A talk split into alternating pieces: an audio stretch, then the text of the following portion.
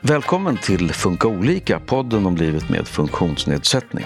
Sensorisk känslighet eller intrycksallergi som det ibland kallas är vanligt vid autism. Men vad är egentligen intrycksallergi och hur kan det ta sig i uttryck?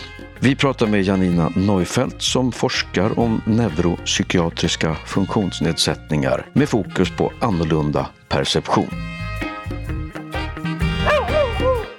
Jag heter Susanne Smedberg och idag ska vi prata om sensorisk känslighet tillsammans med forskaren Janina Neufelt. Hej Janina! Hej! Du är forskare vid KIND som är ett forskningscenter med fokus på neuropsykiatriska funktionsnedsättningar och det hör till Karolinska institutet. Eh, din inriktning är, om jag har förstått det rätt, eh, på hur vi uppfattar sinnesintryck. Precis.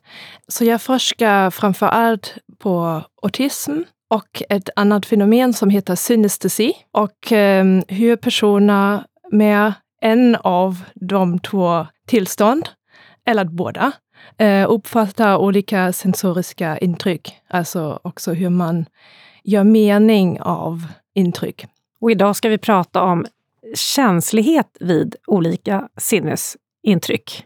Ja, och det tycker jag också är ett väldigt spännande fenomen som är um, eh, känslig, sensorisk känslighet är eh, högre bland personer med autism, men också bland personer med synestesi.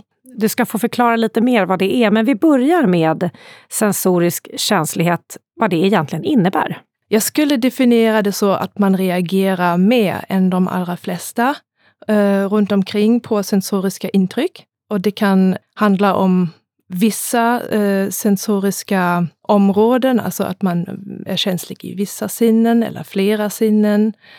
Och det kan, i vissa situationer kan man vara hög, högre, alltså mer känsligt och i andra mindre känslig. Och vad innebär det då om man är mer känslig eller mindre känslig? Alltså, för det första är det ju ganska jobbigt. För, för många innebär det ju stort lidande i vardagen. Det beror ju lite på i vilken grad man är överkänslig och i hur många situationer eller till hur många olika intryck. Men det kan ju då eh, innebära att man undviker vissa situationer eller att man eh, blir överbelastad av sensoriska intryck och, och behöver vila upp sig efteråt mer än andra behöver. De sinnesintryck vi pratar om, är det alla? Alltså hörsel, syn, känsel, smak, lukt? Ja, det kan beträffa alla olika sinnen. Eh, men man, eh, alltså väldigt ofta ställer ju till exempel hörseln det väldigt mycket till. Men också synen hör man ofta. Att om det blir mycket rörelse eller starkt ljus eller flickrande ljus, att det kan vara väldigt jobbigt också. Du sa att det var vanligt vid autism. Hur vanligt? Vet vi något om det? Um, alltså uppskattningen är mellan 45 och jag tror 95 procent av dem med en autismspektrumsdiagnos som enligt vetenskapliga artiklar eh, visar sensorisk överkänslighet. Sen om man frågar personer med autism, alltså om det handlar om självrapporterade överkänslighet, så är det de allra flesta som skulle säga att de um, har det. Och du nämnde det här synestesi som en diagnos. Ja, det är ingen diagnos eftersom det inte är, det skapar vanligtvis inga problem i vardagen. Det innebär att man förknippar automatiskt vissa sensoriska intryck med ytterligare upplevelser. Till exempel kan man lyssna till musik och se, se färgade former eller liknande. Och det är alltid samma intryck som leder till de specifika upplevelserna automatiskt. Så det kan man inte välja bort. Men det här har inte med autism att göra utan är någonting annat? Eh, det förekommer oftare eh, hos personer med autism. Så därför undersöker jag sambandet mellan de två fenomenen också. Och det här med eh, sensorisk känslighet, är det vanligt vid andra funktionsnedsättningar också än just autism? Ja, det är också vanligt hos personer med ADHD eller också tvångssyndrom och ångest. det verkar så att eh, just överkänsligheten är ännu lite starkare hos personer med autism. Om vi går in lite på hur en person påverkas då.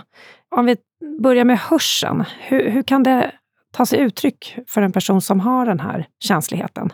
Hos barn eh, ser man ju framför allt hur de reagerar, till exempel på ljud, att de kanske håller händerna framför öronen, drar sig undan, kanske gråta eller skrika beroende på hur hög ljud och hur plötsligt den kommer. Och eh, att det kan skapa mycket ångest. Eh, det är ju nästan, om det är verkligen stark, där kan det ju vara nästan som en smärta. Det kan också innebära att man, att man märker saker snabbare, alltså att man till exempel om det är en väldigt lätt lukt i huset, att en person som är väldigt känslig i det området skulle märka eh, snabbare att någonting är annorlunda än det är van, vanligtvis. Så det kan ju också innebära vissa fördelar med att märka saker eller att skilja mellan olika saker, till exempel smak. Om vi stannar lite vid det här med ljud, är det just höga ljud eller vad kan det vara för ljud man reagerar på? Hur hög ljudet är spelar en roll, men eh, också hur plötsligt den kommer. Sen kan det vara lite individuellt vilka typer av ljud man tycker är jobbigast.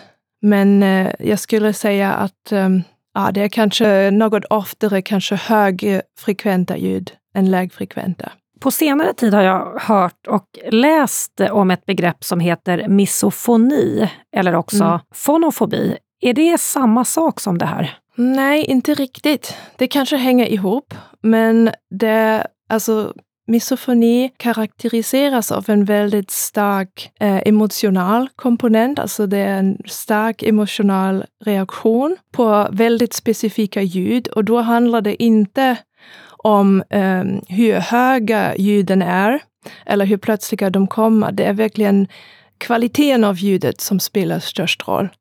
Och det verkar vara väldigt ofta, eller nästan alltid, ljud som görs av en annan människa. Ädljud eller andra ljud som man gör med munnen på något sätt eh, är, är väldigt vanligt. Ja. Och en sista fråga kring det här med ljud. Då. Det här med eh, om man har känslighet för ljud, påverkar det tal och eh, språkförmåga? Ja, alltså man kan ju tänka sig att överkänslighet, om den är stark, då kan den påverka alla slags inlärning på sätt och vis. Om man uppmärksammar allt väldigt starkt och reagerar väldigt starkt, eller kanske måste man till och med dra sig undan eller stänga ut ljudet. Så på det sättet eh, tror jag verkligen att det kan påverka eh, vad man tar in och därmed vad man lär sig och därmed hur språket utvecklas. Synen då? Är det några särskilda ljus man är känslig för?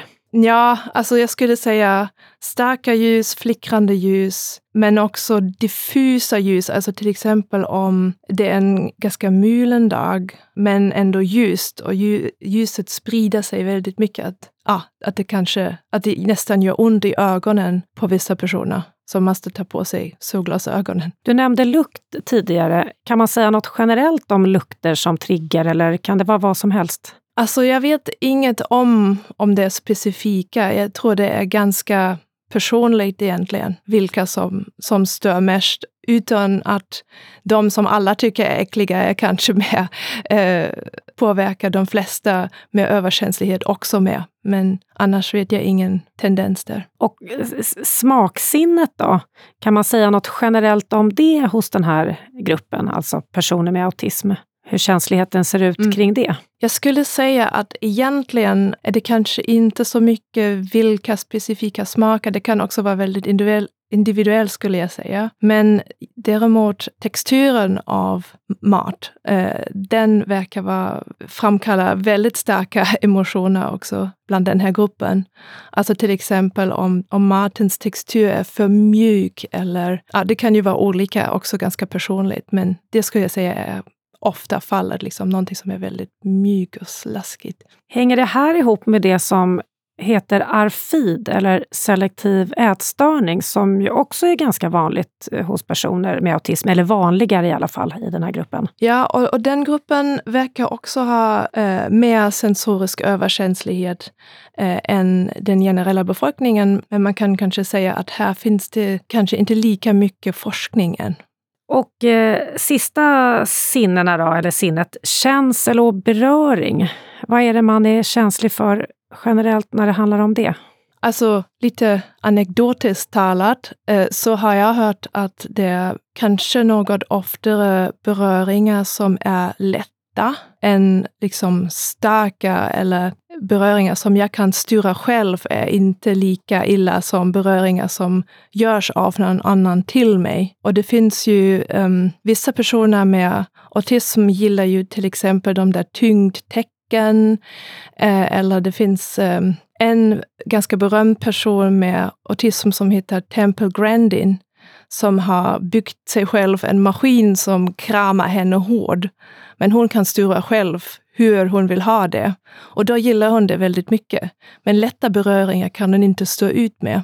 Och det är ett mönster som man, inte, absolut inte hos alla, men som man kanske ser något oftare. Påverkar det här känsligheten för smärta på något sätt? Alltså, det finns några studier som pekar på ökat känslighet för smärta, men det finns också studier som pekar på minskat. Så det verkar vara ganska blandat här. Så det är kanske mer av en variation om hur man upplever smärta bland personer med, med autism. Om man, tänker all, om man har då eh, en känslighet kring sina olika sinnen, är det något som också påverkar balansen eller finmotoriken? Vet du något om det? Ja, alltså personer med eh, autism har ju ofta problem med finmotoriken.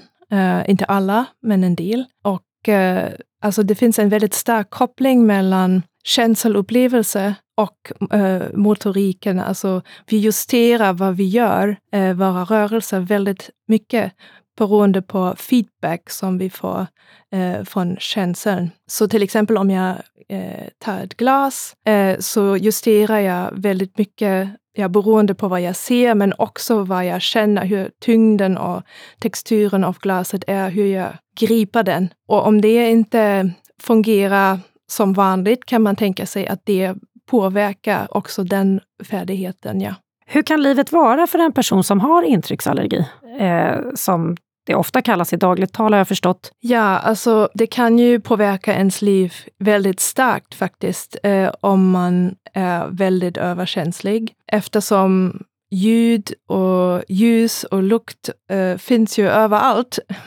Så till exempel kan man ha svårt att koncentrera sig i skolan eller på jobbet om det är miljöer som är väldigt högljudda och det händer en massa många som springer omkring eller ja, mycket rörelse helt enkelt. Att åka tunnelbana eller lokaltrafik generellt kan vara jobbigt. Eh, att handla kan vara jobbigt. Och sen så eftersom man ser kanske inte utifrån eh, vad den personen upplever och de allra flesta kanske inte uppleva sensoriska intryck på det sättet så eh, saknas det ofta förståelse för hur de personerna mår. Sen är det ju ofta så att de kanske kan tåla en viss eh, överstimulering ett visst tag och sen måste de gå och vila sig och, ehm, och återhämta sig. Så ingen kanske märker ens att de lider så förfärligt mycket. Och det, är ju, det gör det kanske extra svårt att få någon hjälp och att få någon förståelse. Ja, så jag tror det, är, det, det, skapar, det kan skapa stort lidande. Kan det leda till några beteenden, jag tänker hos barn, att de blir ja, utagerande eller något annat? Absolut, det kan ju leda till ångest, aggression, att man blir irriterad helt enkelt att man blir väldigt trött och kan inte ta upp så mycket andra intryck och så kanske undrar någon lärare varför barnet inte lyssnar, men det kan inte lyssna för det, det är så um, upptagen med att hantera sina intryck. Vad finns det för stöd eller kanske anpassningar som man kan göra för att underlätta för de här barnen och vuxna? Ja, alltså jag skulle säga att det finns definitivt för lite stöd idag och eh, några år sedan, jag tror det var 2018, har Kind publicerat en rapport om eh, hur personer med autism och föräldrar till barn med autism upplever att hur, hur mycket stöd de får för olika slags problem. Och då var just sensoriska symptom eller sensorisk överkänslighet en av de områden som föräldrarna tyckte att de får allra minst stöd och det verkligen behövs mer för. Men man skulle ju kunna göra ganska mycket, till exempel på skolan, alltså att man försöker dämpa ljudet, gör mindre klasser kanske, även om det kanske inte är möjligt idag. Men det skulle säkert hjälpa att begränsa eh, visuella intryck, intryck, att det inte blir så mycket rörelse, inte blir så extremt många olika saker som hänger på väggen och eh, avleda koncentrationen. Att ha vilorum där man kan dra sig undan om man behöver det och där det är tyst. Så jag, jag, tror att det skulle kunna finnas en del saker som man skulle kunna göra, men eh, det är inte så lätt. Och eh, det finns inte så mycket idag, men jag, jag, tror att alla skulle gynnas av det, inte bara barn med autism. Vi har ju pratat mycket problem här. Finns det något eh, positivt eh, som den här känsligheten för med sig? Att man kanske upplever något starkare? Ja, alltså som jag var inne på lite tidigare så kan man ju kanske upptäcka skillnader som andra inte upptäcker, eller eh, också varnsignaler som kanske andra inte ser. Så på det sättet kan det ju vara en fördel. Vet du någonting om besvären minskar med tiden, alltså ju äldre man blir, eller är det här något man har hela livet?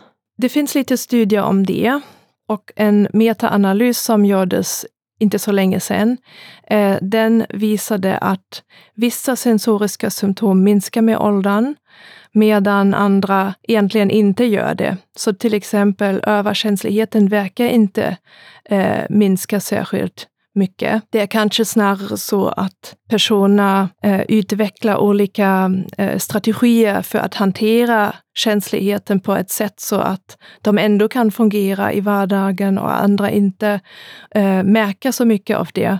Men det verkar i alla fall för många stanna kvar också i vuxenåldern. Sen för en annan sensorisk symptom som heter sensory seeking, alltså att man söker sig till vissa stimuli eller att man själv stimulerar sig eller att man, ja, att man är väldigt uppmärksam på vissa sensoriska intryck och eh, eh, vill gärna att de upprepas gång på gång. Eh, det verkar vara någonting som beskriver en viss kurva, alltså att den ökar hos små barn och eh, sen går den ner igen när barnet blir äldre. Är det det som kallas självstim också? Det hänger starkt ihop skulle jag säga, men den, den har också en lugnande effekt. Alltså att kanske både att göra någonting repetitivt om och om igen eh, och att, att känna samma om och om igen kan ha lugnande effekt.